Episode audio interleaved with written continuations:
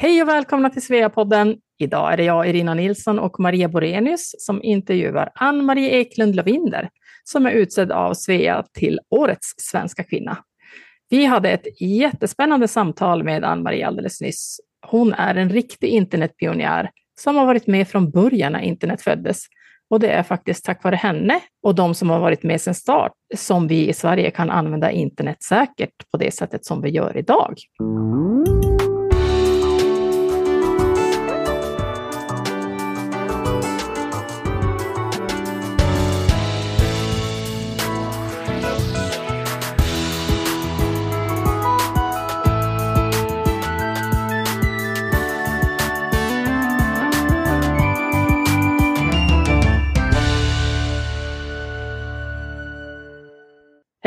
Jag heter Ann-Marie. Jag är eh, systemvetare, internetpionjär, säkerhetsmänniska och har varit det i eh, hela mitt vuxna liv. Kul! Vad roligt att ha dig här Ann-Marie. Välkommen till Sveapodden. Du är ju utsedd av Svea till Årets svenska kvinna 2023. Och vi vill ju naturligtvis ta tillfället i akt att lära känna dig och presentera dig för våra lyssnare. Det är ju ett jättespännande område som du är verksam inom.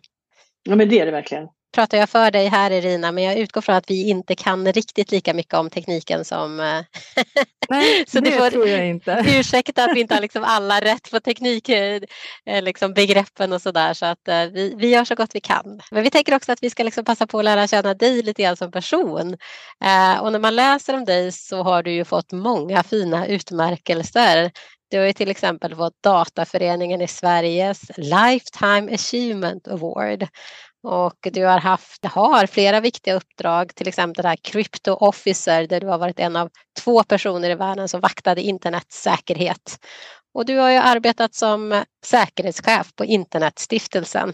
Som vi sa tidigare så har du blivit utsedd till Årets svenska kvinna av Svea. Visste du vad Svea var innan du fick upp utmärkelsen? Alltså nej, jag måste erkänna att det visste jag faktiskt inte. Eh, jag har ju inte heller varit boende eller verksam i utlandet på det sättet som som sveorna har så att det kan väl finnas en förklaring där. Sen det här med kryptoofficer, det är, när man får rätta dig lite där, så är det 14 personer i världen som har nycklar och man är sju på den ena sajten på den amerikanska västkusten och sju på den andra sajten på den amerikanska östkusten. Ja, för när jag sa till min dotter igår att vi skulle spela in en, ett avsnitt med dig och sa jag att just att du var en av två och så sa hon, är det drottningen av England som har den andra nyckeln? det hade varit något. jag sa också det. Nej, nej, det har jag inte tänkt att det skulle vara så. Ja, men det okej, okay, då förstår jag. Ni är, de har fördelat det geografiskt i alla fall. Oh ja, alla kontinenter är inblandade utom uh, Antarktis tror jag. och är det en fysisk nyckel vi pratar om eller?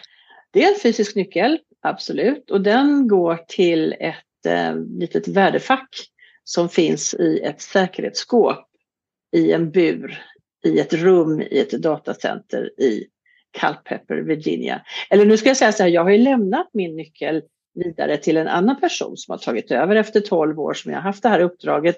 Eh, och det var på helt frivillig basis. Det, det är jättekul att åka till Washington två gånger om året men, men eh, till sist kände jag att nej, men det är väl dags att lämna vidare till en annan person som får eh, njuta av den här fantastiska ceremonin och också tycker det är spännande.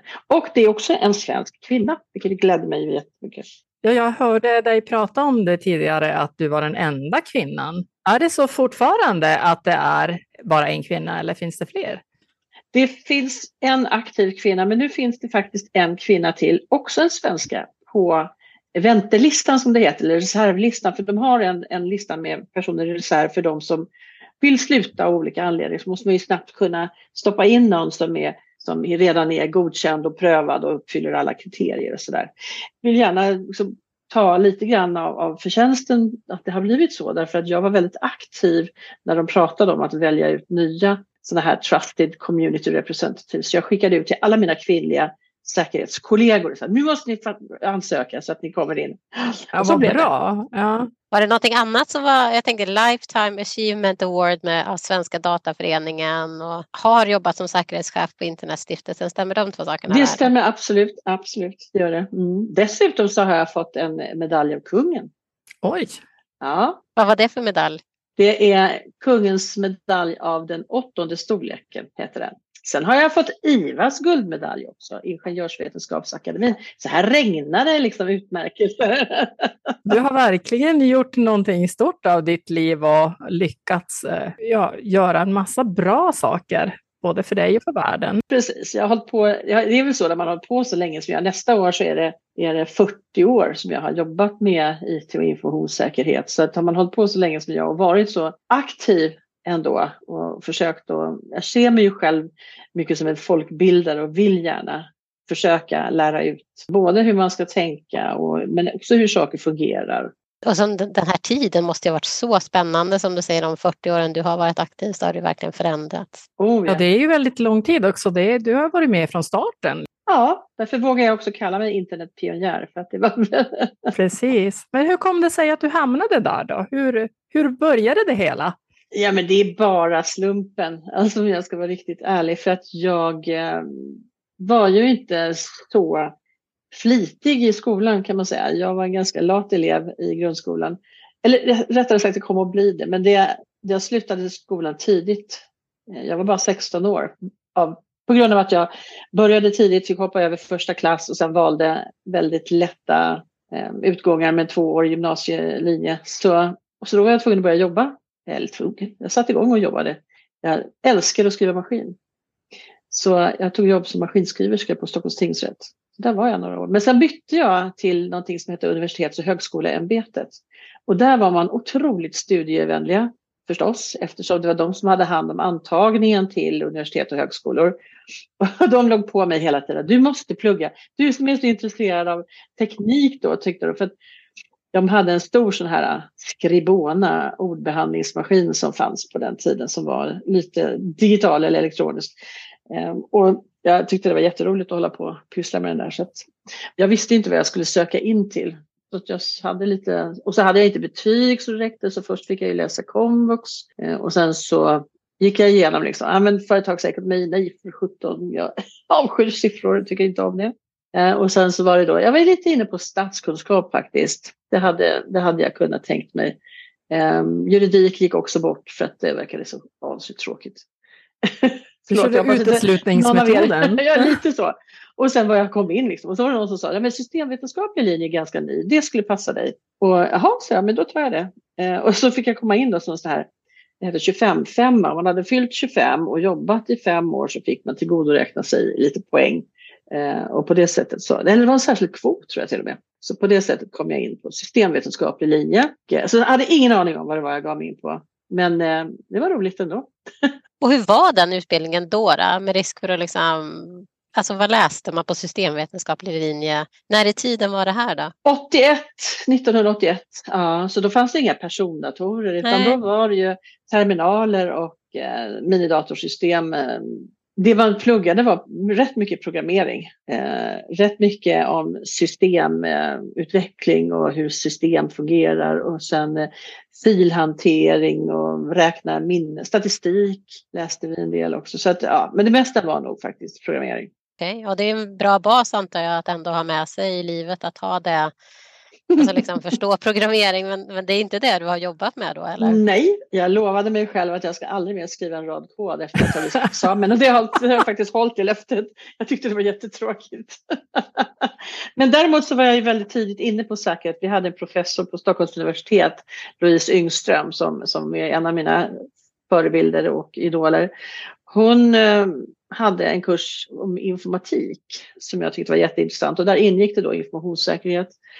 Eh, så på det sättet blev jag fast liksom, på det området. Jag tyckte det var extremt spännande och intressant. Eh, det är ingen i din familj som har en IT-bakgrund eller liksom, det är ingen sån här... Nej, nej, nej, nej. nej. Men det är klart, du var ju, så, du var ju först. Ja, men precis. Mina föräldrar de tyckte bara det var konstigt vad jag skulle göra på universitetet. Det var ju väldigt märkligt.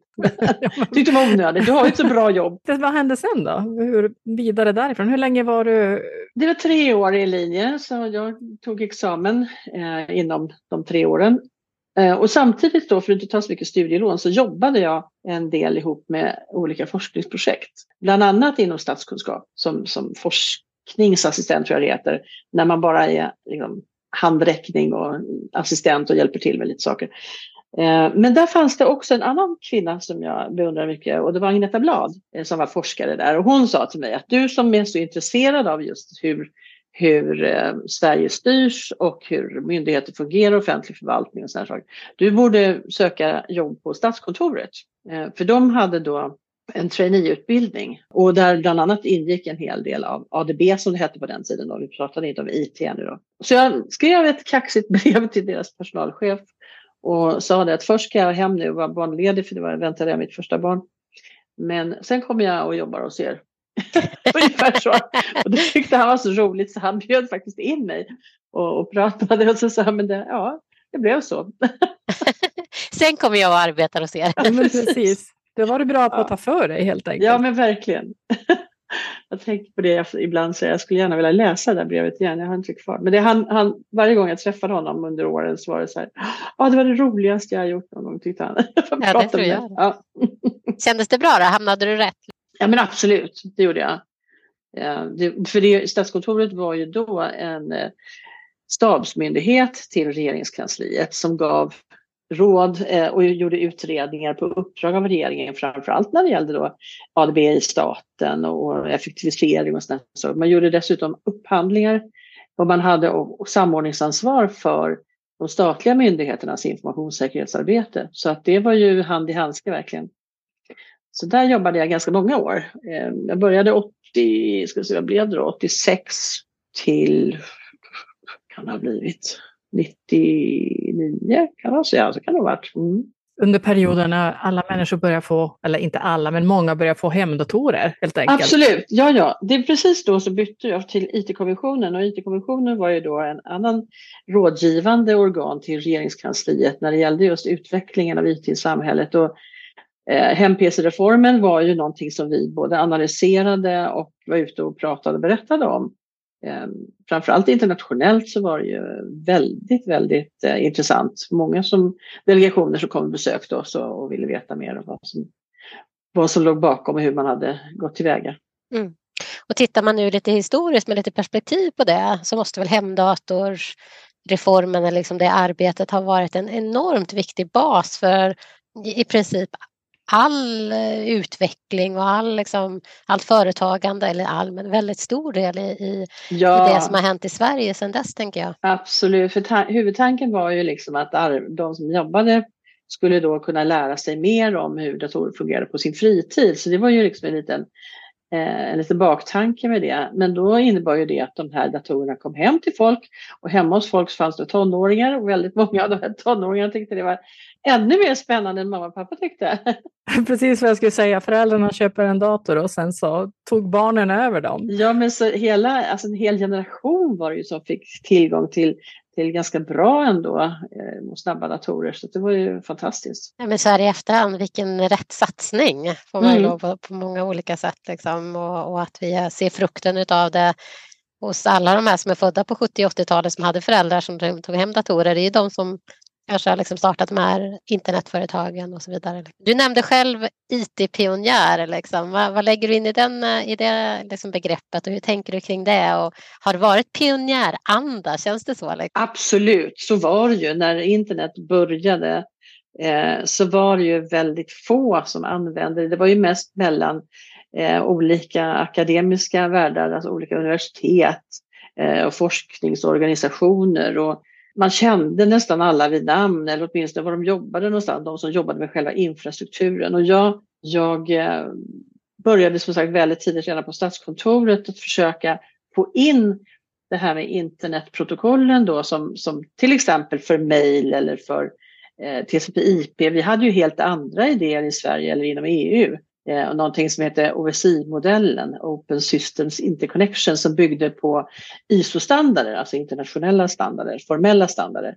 Eh, det problemet med dem var ju att de standarderna var ganska knöliga. Eh, det lyfte liksom inte riktigt. De tog fram i en process som var väldigt formell och väldigt omfattande. De här standarderna kostade pengar.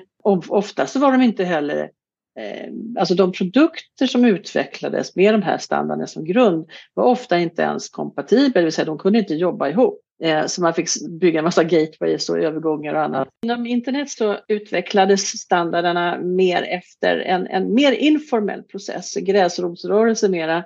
Eh, man pratade om rough consensus och running code, det vill säga hade man en standard så var det två oberoende implementationer som måste bevisa att de fungerade tillsammans för att bli godkända. Så det var ett helt annat synsätt. Eh, det var mycket, mycket enklare standarder än, än de som fanns inom, inom ISO-världen. Eh, och vi visste, eller jag och min kollega Jan Berner som jobbade då på Statskontoret, vi anade väldigt tidigt att det här kommer ju bli framtiden så vi försökte putta in det liksom i, i den vanliga standarduppsättningen. Ehm, för vi hade ett uppdrag då från regeringen som hette SOSIP, vi skulle ta fram statens OSI-profil eh, som man då skulle använda vid de här upphandlingarna som Statskontoret gjorde eh, och då stoppade vi in de här IETF-standarderna som, som eh, inte mandatory då, som, alltså obligatoriskt som mycket annat, men som frivilliga som man kunde använda om man ville. Och det där innebar ju att det blev mer och mer åt just internethållet. Så att, och det, idag kan jag säga, det var ju en, en väldigt, väldigt framgångsrik gerillaverksamhet som, som vi ägnade oss åt där. Ja, men verkligen. Har du känt att du liksom har fått jobba i motvind för att driva igenom alla dessa saker?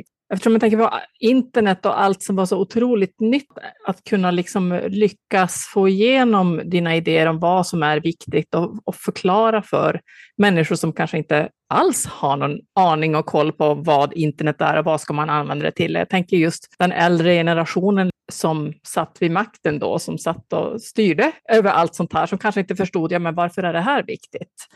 Nej men visst var det så att det var ju rätt mycket uppförsbacke ibland jag vet när jag kom till IT-kommissionens eh, kansli då senare så tog vi ju fram redan, jag skulle tänka så att jag hittar på här nu, jag tror att det var 99 som vi tog fram en, en beskrivning av hur man skulle bygga en framtidssäker IT-infrastruktur i Sverige baserad på fiberoptisk kabel. Och det där gjorde vi ju som, som man brukar göra då på ingenjörsvis, det vill säga vi kom fram med ett förslag på en lösning, men vi är inte lika duktiga på att beskriva problemet. Eh, som vi skulle lösa. Eh, och vi var förmodligen tio år för tidigt ute.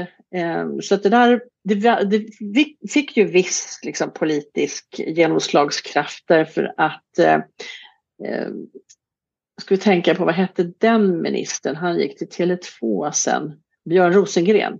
Han eh, lyckades ändå skaka fram några miljoner. Vi hade sagt så här, ja, för, för 50, hur var det nu då? För 50, vad tänker jag, det här med storheter om det är miljoner kan det ju knappast ha varit, utan vi tänkte fem år, ja kanske var fem år och 50 miljoner skulle vi ha byggt upp en helt egen infrastruktur med, baserad på fiberoptik i hela Sverige. Och vi räknade ut att det här skulle kosta, det var nog 50 miljarder måste det ha varit. Eh, men det skulle kosta då varje skattebetalare ungefär 50 kronor i månaden. Mer än så var det inte. Men det, alltså, problemet var ju att man förstod ju inte varför skulle någon, alltså idén var att alla människor skulle ha 5 megabit, full duplex, det vill säga lika fort åt båda hållen, till kostnaden av ett busskort. Det var vårt budskap. Och det här handlade om att vi såg framför oss hur folk skulle sitta hemma och arbeta eh, och där man i ett hushåll hade någon som studerade, någon som tittade på tv, någon som eh, gjorde någonting annat eh, och så lite smarta prylar på det så förstod vi att man behövde ha mycket mer bandbredd än vad en människa kan förbruka. Men det svaret som vi fick på det här var ju väldigt ofta liksom, men vad ska man med 5 megabit till?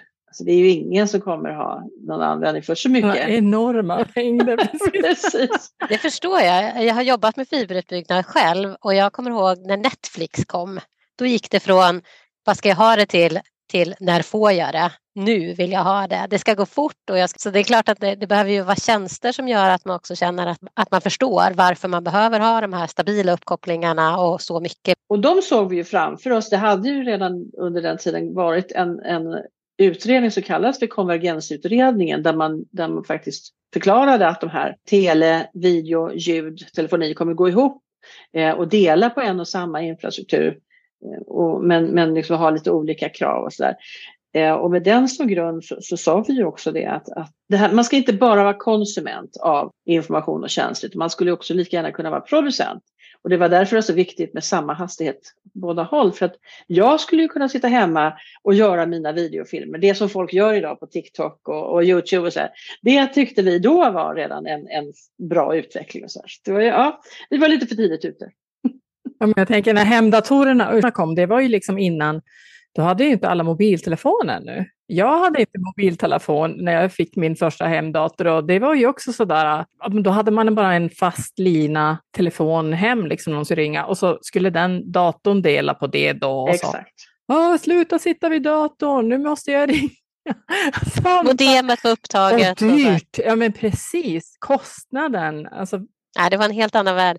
Men jag tänker på det du sa innan där Irina, över att det liksom ändå måste ha varit en pion, alltså det har, det har blivit någonting annat. Och jag, du pratar ju verkligen om hur internet har vuxit fram alltså, och att då forskare och ni som har jobbat med de här frågorna har legat 10-15 år före både politiken och konsumenterna. Liksom. Har vi hunnit ikapp eller har du fortfarande idéer 10 och 15 år framför oss andra? Liksom? Eller är vi ungefär där vi, där vi är?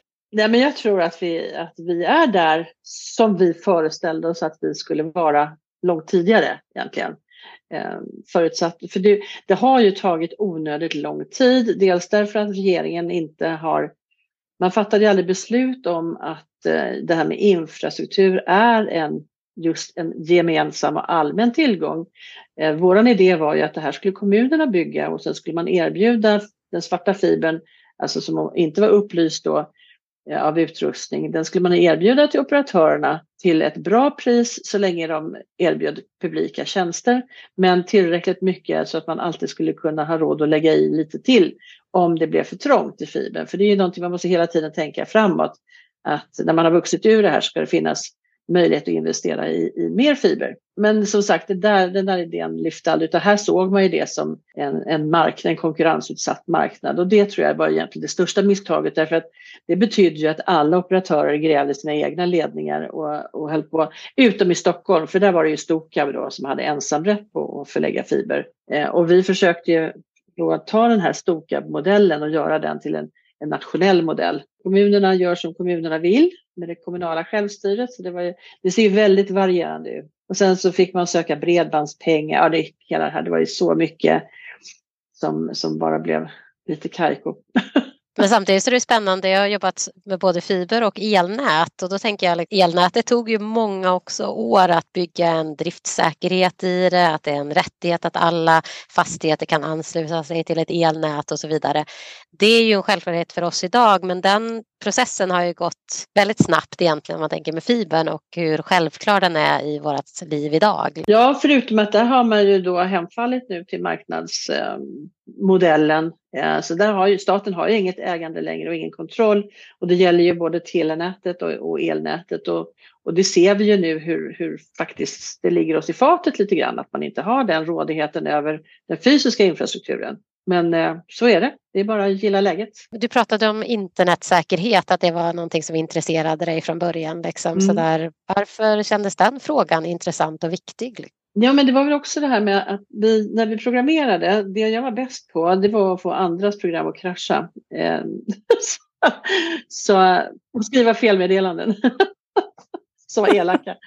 Eh, men, och, och jag tänkte att det var ju ändå, man måste ju se till att den som sitter som användare inte är den som alltid måste råka illa ut när någonting går fel utan att, det, att man har tagit höjd för det. Och här handlade det ju om rena inmatningskontroller, det vill säga det var ju väldigt vanligt på den tiden att om det stod så här, här ska du skriva siffror, någon skrev in en bokstav så kraschade programmet. Så det var ju liksom inga avancerade så man hade inga indatakontroller och, och sen så visste man inte heller vad som riktigt kom ut och det kunde ju också vara så att det var exekverbar kod som kom ut och som hamnade då hos någon annan maskin och så var den lite elak den koden. Jag menar, det gick att se ja, väldigt mycket exempel på när det inte var så lyckat.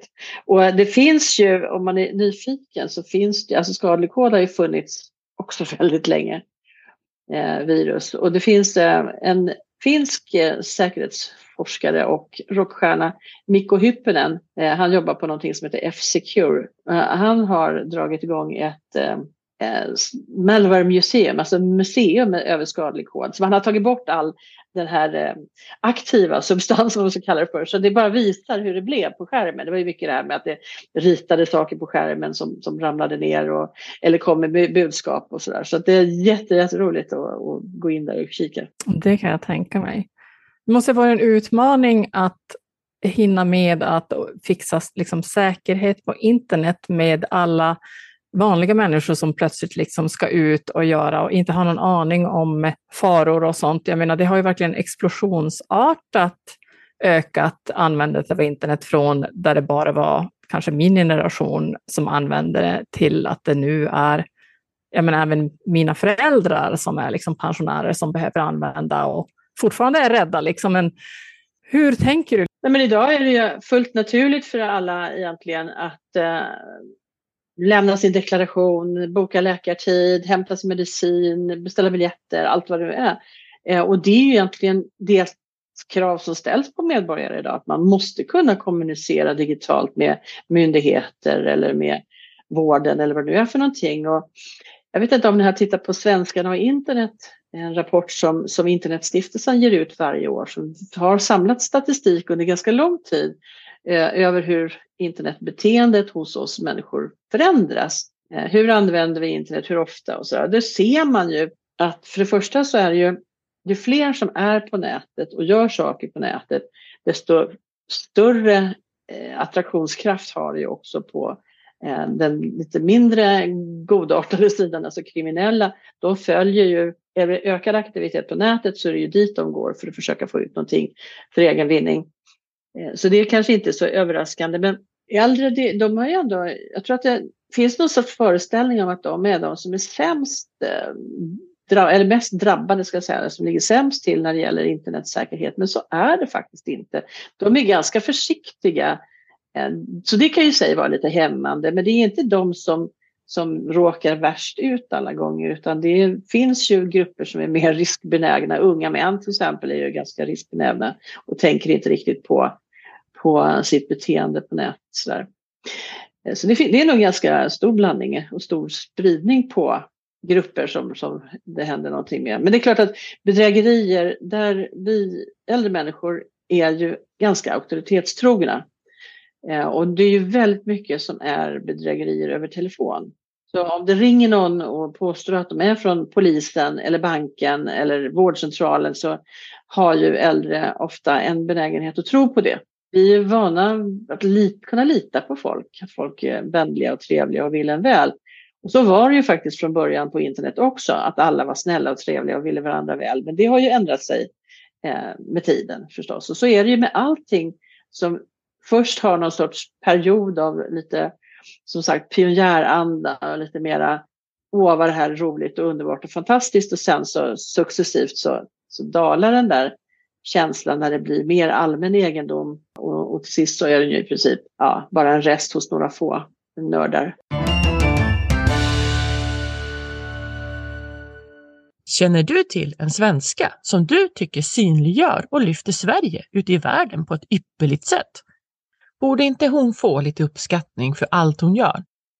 Nominera henne till Sveas utmärkelse Årets svenska kvinna 2024 Mer information om hur du nominerar din kandidat och vilka kriterier som krävs kan du hitta på svea.org. Sista dagen för nomineringar är den 30 november. Men Vi har kommit väldigt långt tänker jag med det här med mobilt bank-id i Sverige och möjligheten att legitimera sig. Men det är också våran akilleshäl, liksom, att vi, alltså den är både en möjliggörare och ett, ett problem eftersom den också kan släppa in i... Ja, men det är ju inte ett problem hos teknik och jag brukar säga att informationssäkerhet handlar ju väldigt lite om teknik och väldigt mycket om människor och människors beteende. Eh, och det är så att du ska aldrig lämna ut din bank-id-kod till någon som ber dig om det. Inte ens maken eller barnen eller ingen ska ha den. Den är din och den ska du försvara med allt du har för det är nyckeln till väldigt många tjänster och till dina pengar förstås. Ja, för det är väl så, liksom, mobiltelefonen som vi alla har är ju egentligen inte en telefon utan en liten dator som man har i fickan som man använder mer som en dator än som en telefon nu för tiden. Absolut, jag menar det, det råkar vara en dator som du kan ringa med. Men den är betydligt mer kraftfull än de persondatorer som vi har på skrivbordet. Så det Absolut, den, är, den i sig är ju en risk tycker jag. För dels så har den ju ganska buggiga operativsystem eh, med, med mycket sårbarheter och sen så apparna. In, alltså det finns ju så många appar som trots att de är godkända innehåller mycket både sårbarheter och skadlig kod. Eh, så att man måste vara väldigt om sig kring sig idag för att vara på den säkra sidan. Och så uppdaterar man inte sina appar och sina operativsystem och sånt som gör att det blir mer riskabelt också. Det är ju mänskligt Absolut, och jag brukar rekommendera folk att städa sin mobil en gång i halvåret. För om du inte har använt en app på ett halvår, ta bort den. För har du tröttnat på den, då har säkert utvecklaren också tröttnat på den och då ligger den där med massa potentiella sårbarheter som någon kommer upptäcka förr eller senare. Så bara städa, bort med dem. Det går ju alltid att ladda ner den igen om man skulle ångra sig. Jag tänker på nu med, med liksom allt som sker i, i samhället idag med eh, krig i vårt närområde och så vidare och vi pratar ju mer och mer om att krig kommer vara att digital krigsföring är en sån stor del av de problem som vi ser i samhället och det påverkar ju alltifrån val och, och, och, propaganda i stort. Liksom så här. Är det frågor som också du har varit inblandad i? Eller? Ja, oh yeah. Mm. ja alltså, det fanns en arbetsgrupp som hette AGIV, arbetsgruppen informationskrigföring eller information warfare, eh, där vi diskuterade just det här med möjligheten till just informationskrigföring med hjälp av, av nätet. Då. Och det här var några år sedan? Ja, oh, 25 år sedan tror jag. Aha, oj. Så att det var tidigt på, på tapeten, absolut. Så nu ser vi verkligen verkningarna av dem, den typen av liksom arbetssätt. Ja men precis, precis. Ja. Det var ju då en, en person på Försvarshögskolan som, som höll ihop det där eh, och jag satt med i expertgrupp då, eh, och diskuterade de här frågorna. Och nu, vi ser ju det, alltså det, det har ju blivit väldigt vanligt nu att, att stater också ser till att man har den typen av förmågor. För jag menar, det här är ju väldigt, väldigt viktigt. Tillsammans med traditionell krigföring så blir ju cyberkrigföring eh, ett komplement. När Ryssland gick in i Ukraina, det var ju full, full fart på nätet åt båda håll förstås att försöka slå ut varandras resurser. För att vi idag styr vi ju allt. Alltså när jag började med internet, då gjorde vi ju ingenting som var viktigt. Eller sådär. Jag menar, alltså, krasst så var det ju, ja, men man skickade lite mejl och man bytte lite filer. Och man, men det hände ju inte så mycket annat. Och det var ju inte så att det var några samhällsviktiga tjänster här eller kritiska funktioner. Utan, utan det var ett sätt att, att kommunicera väldigt odramatiskt och utan några krav. Och därför kallade man ju också alltid för best effort. Det gjorde så gott det kunde nätet. Det byggde på det. Det fanns inga krav på leveransnivåer eller annat. Idag så har vi ju kopplat upp i princip allting. Kraftverk, sjukhus, alltså väldigt många kritiska funktioner som ju är helt beroende av att nätet finns där alltid och fungerar. Så det är en helt annan miljö idag Eh, än det var tidigare. Och det har man inte riktigt, tycker jag, tagit höjd för när man bygger infrastrukturen. Vi har inte den robusthet, eh, alltså uthållighet och motståndskraft som man skulle kunna önska sig. Eh, den, om jag tar det här med bank-id, det finns ju en risk för att det blir en, en single point of failure, alltså en punkt där om det går sönder så är det väldigt mycket som slutar att fungera. Nu finns det alternativ men inte så många som känner till Freja-id till exempel. Eh, och man kan ha flera. Det kanske är bra att tänka på att man skulle kunna ha eh, både och. För om det ena slutar fungera så har man alltid det andra. Jag har varit med och skrivit en eh, antologi just om eh, hybridkrigföring och hur internet kan utnyttjas. Den heter Hybrid Warfare-boken. Eh, så den kom ut för ett par år sedan blir det nog nu. Vad sa du att den hette? Hybrid Warfare och så finns det någon eh, underrubrik som inte kommer ihåg just nu, men det kan jag titta. Hybrid Warfare, Security and Asymmetric Conflict in International Relations. Så det är ju inte bara det här med internet utan det är överhuvudtaget lite olika infallsvinklar på det. det lite olika skribenter, men den kom ut 2021. Eh, ja, det är ju om man är intresserad av mer så låter det som en jättebra ingång. Precis. Sen har jag faktiskt bara för veckor sedan eh, också en annan antologi som kom ut här som heter Felkod kvinna. Men Ann-Marie, om du skulle titta ner i din kristallkula, vad ser du som framtida utmaningar för digitalisering och internetsäkerhet? Det är ju att, att eh, digitaliseringen går så vansinnigt snabbt eh, och säkerheten blir också bättre, men den blir inte bättre i samma takt som digitaliseringen, vilket gör att det här gapet mellan säkerheten och digitaliseringen ökar hela tiden och utsätter oss för ganska stora risker. Eh, så jag ser framför mig att man nog måste börja ta tag i det här ganska ordentligt från samhällets sida. För det här handlar ju inte om att användare ska bli bättre eh, på att uppföra sig på nätet, utan det handlar väldigt mycket om att ställa krav på, på leverantörer, på infrastruktur, på tjänster så att man har en bra, en bra säkerhetshygien från grunden. Man började ju med det när man pratade med, om GDPR, då, dataskyddet av personuppgifter, att Eh, man måste utveckla tjänster och produkter som har säkerhet med som i, redan i designen, security by default och security by design var det man pratade om, men det händer fortfarande inte. Det är time to market, alltså tiden till marknaden är, är jag förstår inte varför jag pratar så mycket svengelska idag. Det är en Nej, företag idag, de, alltså tiden till marknadsföring eller lansering av sina produkter och tjänster är så otroligt mycket viktigare än att tänka på att det här ska vara en, en kvalitetssäkrad och bra produkt. Och det här det drabbar ju oss alla. Eh, både den som levererar och de som ska nyttja och konsumera. Eh, så i slutändan, så jag, alltså jag är lite pessimistisk idag faktiskt. För att jag tycker att det händer för lite och det går för långsamt. Och regleringsvägen som man har valt i ganska stor utsträckning, den, den riskerar ju faktiskt att lägga en våt filt över alla innovationer därför att det blir så betungande för de här nya startup-företagen som har en bra idé och som vill, vill göra någonting. Eh, sen ska man komma ihåg att innovatörer är ju just det, innovatörer. De, vill ju, de har ju en funktion som de vill skapa, de vill ju lösa ett problem.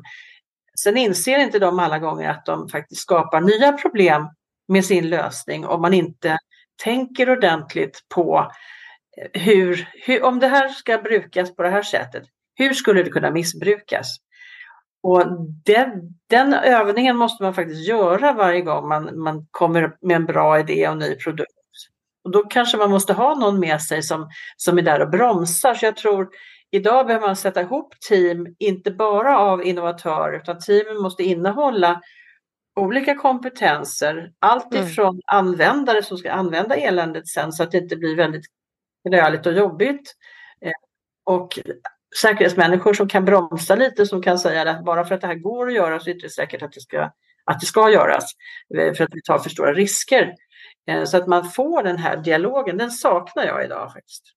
Ja, nej, och det är som sagt var, det är ju, kanske ligger i sakens natur också att man vill springa fort där. I, så det är ju en, en utmaning att få in de perspektiven i en sån tidigt stadium av en produktutveckling till exempel. Och så där. Men det låter ju hemskt nödvändigt verkligen. Liksom. För när väl produkten finns live så är den ju öppen för problem. Liksom. Ja, men så är det. Och det är väl menar, viktigt att just det här med att testa appar och, och grejer och allt sånt här för att det är ju väl, jag kan tänka mig att den som utvecklar den inte har eh, samma förmåga att se problemen och hur en användare kanske använder en app liksom som inte har förståelse för hur saker och ting händer i den och vad som ska... Alltså att man, det blir på ett annat sätt. Absolut. Det är stor skillnad mellan användargränssnittet och användarupplevelsen många gånger. Ja, men precis. Att, att det ska vara användarvänligt och säkert. För som människor vill man ju gärna, man vill ju att det ska gå så, vara så enkelt som möjligt och, och man vill ju gärna ta genvägar. Som alla, allt det här, alla appar nu för tiden när man måste liksom godkänna alla dessa cookies och allt sånt där, det är ju sånt tycker man ju som att man blir irriterad av det och man läser ju aldrig liksom sånt man godkänner nästan utan man gör det ju bara per automatik. Det, det är orimligt att man ska läsa allting, då, då får du inte göra någonting annat. Tänk dig själv, folk sitter och jobbar hela dagarna och ska klicka bort kakor. Hur mycket tid de går till det. Ja, eh, så alltså där har man nog kommit lite snett. Men samtidigt så, vi har ju den här idén om att alla ska vara uppkopplade alltid. Eh, och det är ju för att vi ska kunna kommunicera och bearbeta information. Jag menar, vi har ju satsat rätt mycket på den idén och, och, vi eh, har gjort våra karriärer på den idén. Och så just det här att det, därför så måste vi också hitta lite i backspegeln och säga okej, okay, nu har det gått ganska lång tid eh, och tillräckligt lång tid för att kunna se hur det här utvecklas och det är ju verkligen ingen munter syn idag. Det är till och med riktigt skrämmande stundtals. Och alla system som vi bygger idag, både internet och de systemen som omger internet, som använder sig av internet för att kommunicera, blir mer och mer komplexa. Eh, det är färre som har möjligheten ens att se den komplexiteten och förstå vilka beroenden som finns mellan nätets olika delar och olika tjänster som ska samverka. Eh, och jag tror att det här, är, det här görs också som jag sa, i en takt som, som vi på säkerhetssidan har väldigt svårt att matcha. Därför det, det finns inte samma eh, driv, det, drivet finns där men det finns ju inte samma intresse för att det här ska bli bra från början. Och en annan, en annan drivande faktor är ju alla IT-relaterade incidenter och ransomware och bedrägeri, dataintrång och Internet of Things och artificiell intelligens. Bara det är ju en otroligt stor förändring som kommer påverka oss i väldigt, väldigt hög grad. Så även om det finns väldigt många positiva användningsområden av AI, även inom säkerhet. Man kan automatisera rätt mycket eh, av det här tristaste jobbet som logganalyser. Eh, man kan bli mer träffsäker på att de varningar som kommer faktiskt är riktiga varningar och inte falska. Eh, man kan få hjälp med mer rutinmässiga uppgifter så att man kan lägga mer tid på det mer komplicerade och så att det får ett samspel mellan AI och, och teknik. Men det, vi är, det är långt kvar innan vi är där. Spännande. Kan be AI skriva kod, göra program. Ja men precis, och det kan man ju redan. Och skadlig kod också för den delen. Så det är ju... Ja, det ska man komma ihåg att det kan lika gärna vara skadlig kod. Då. Ja men precis. Vi har ju sett flera exempel på redan hur AI används för det som man kallar för deepfake, då, alltså falska meddelanden, falska videofilmer man har eh, röstkloning. Eh, jag vet inte om ni har, har ni sett den här Jimmy Åkessons tal på arabiska? Jag har bara hört talas om det. Hjälp oss alla säger jag bara. Det är fruktansvärt. Ja, det är lättare. Det är väldigt svårt att inte bli lurad idag. Mm, det är det. Om vi ska fokusera lite på dig igen, Ann-Marie, sådär. är du trött på frågor om hur det är att vara kvinna i en mansdominerad värld? Ja, men, ja, inte så mycket ändå. Alltså den, den borde faktiskt ställas lite oftare. Och jag, samma sak där, är det så att jag blir inbjuden till exempel att hålla en presentation i något sammanhang eller inbjuden att delta i ett, på ett event i något sammanhang där de visar bilder på bara medelålders kostymklädda män. Mm. Då brukar jag alltid höra av mig till dem och fråga hur, på vilket sätt är det här intressant för mig? Och så undrar man, framförallt internationellt så undrar de alltid, vad menar du? Ja men det finns inga kvinnor. Då blir de väldigt så här paffa och tycker att det är lite märkligt. Men jag tror att vi måste, man måste nog vara så pass uh, tuff och tydlig. Det här är inte okej. Okay. Kräva saker och ta plats. Precis. Och jag får ställa frågan, varför, varför är det så? Hur kom ni fram till att det var en bra idé att ha 100% män på talarlistan? Och jag tänker det här är ju en, tyvärr en högst liksom, relevant eh, diskussion även för kvinnor idag i ja, låt oss säga IT-dominerade branscher. Liksom. Det är ju inte gårdagens diskussion utan den är ju högst, högst Nej, aktuell Det finns idag. ju fortfarande alldeles för få kvinnor i IT-företag generellt. Ja. Och hur har du lyckats då? Vad har varit nyckeln för att du har tagit igenom det här och liksom haft roligt på jobbet? Ja, men det är väl för att jag inte jag är inte rädd för att, att säga ifrån. Eh, och jag är inte rädd för att ta för mig. Och sen har jag ju mitt motto som jag jobbar efter. Som är just, ja, men jag säger aldrig nej. Om jag får en fråga, jag ifrågasätter inte min egen förmåga för jag tror att jag är lika bra som någon annan. Och är det så att jag inte går i land med det så, så har jag lärt mig av det också då. Misslyckas, jag tror att misslyckande är en viktig del av framgång och lärande. Ehm, det, det är då man lär sig mest tror jag, än om det bara går bra hela tiden. Det kanske man särskilt känner om man har jobbat inom internet att det, man måste göra en hel del fel för att komma rätt. Det är lite trial and error som man säger. Men hur tänker du framåt? Är det någonting ytterligare som du vill utföra och arbeta med inom IT-världen? Hur ser framtiden ut för dig? Ja. Jag jobbar ju stenhårt på att trappa ner. Det går jättedåligt. Men det behövs!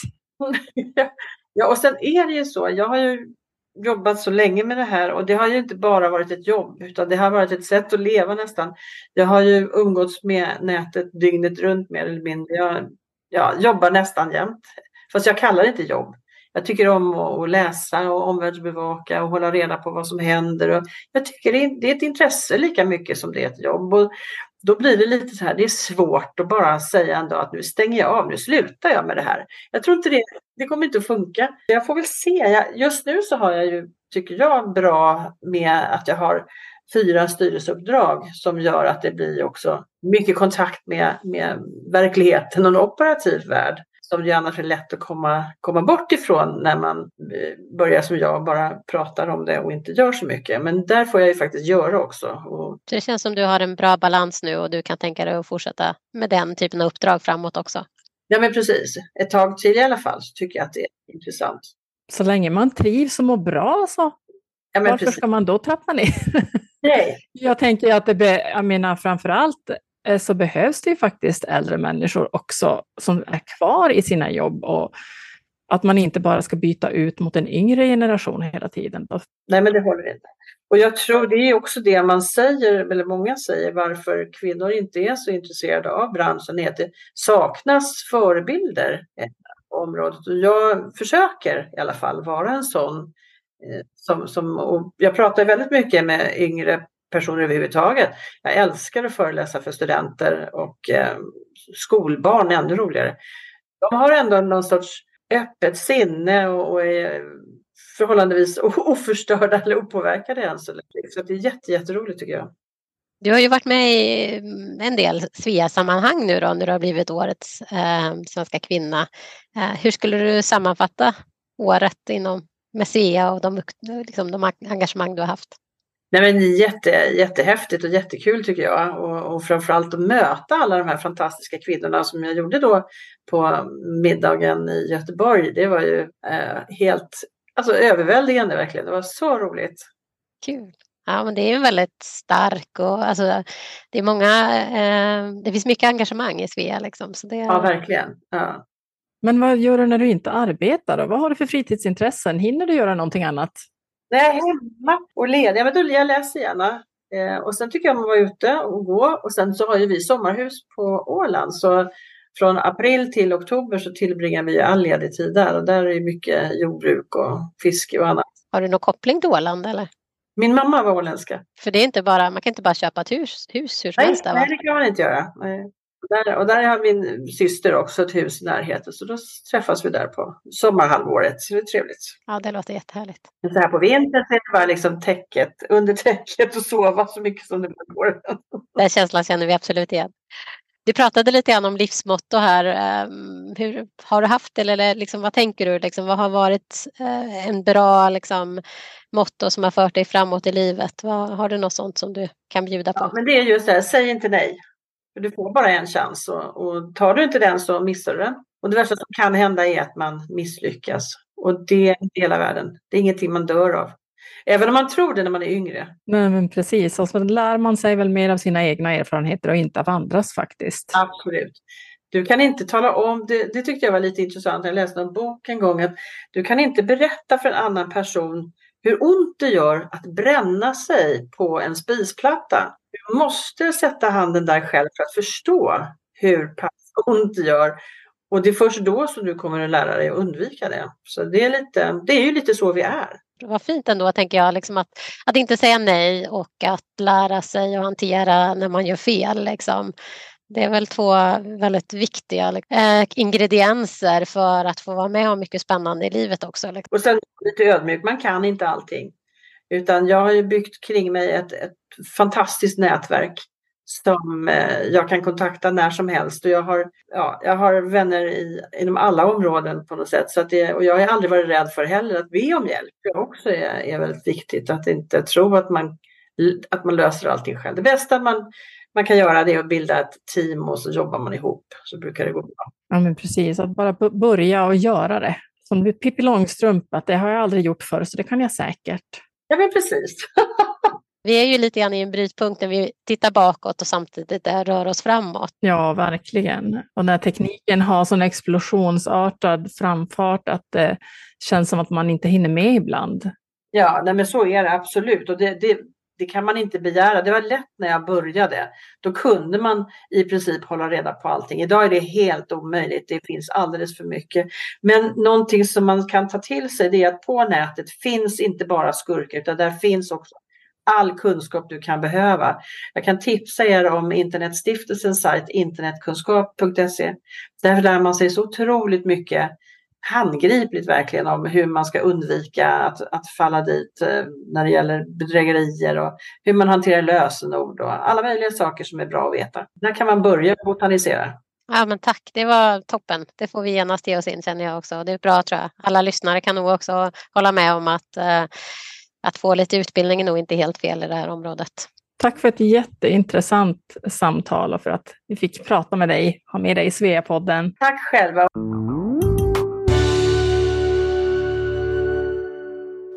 Tack för att du har lyssnat. Den här podden är inspelad och producerad för Svea International. Musiken är skriven för Svea av Fredrik Åkerblom. Alla vi som på olika sätt är involverade i produktionen gör detta som en del i vårt frivilliga engagemang för Svea. Sveapodden finns på de allra flesta ställen där du hittar poddar. iTunes, Google Podcasts, Spotify etc. Om du saknar något poddställe så skicka ett mejl till sveapodden gmail.com. Mer information om Svea hittar du på vår webbplats svea.org och i sociala medier så finns vi på Facebook, Instagram och LinkedIn och där hittar du oss som Svea International.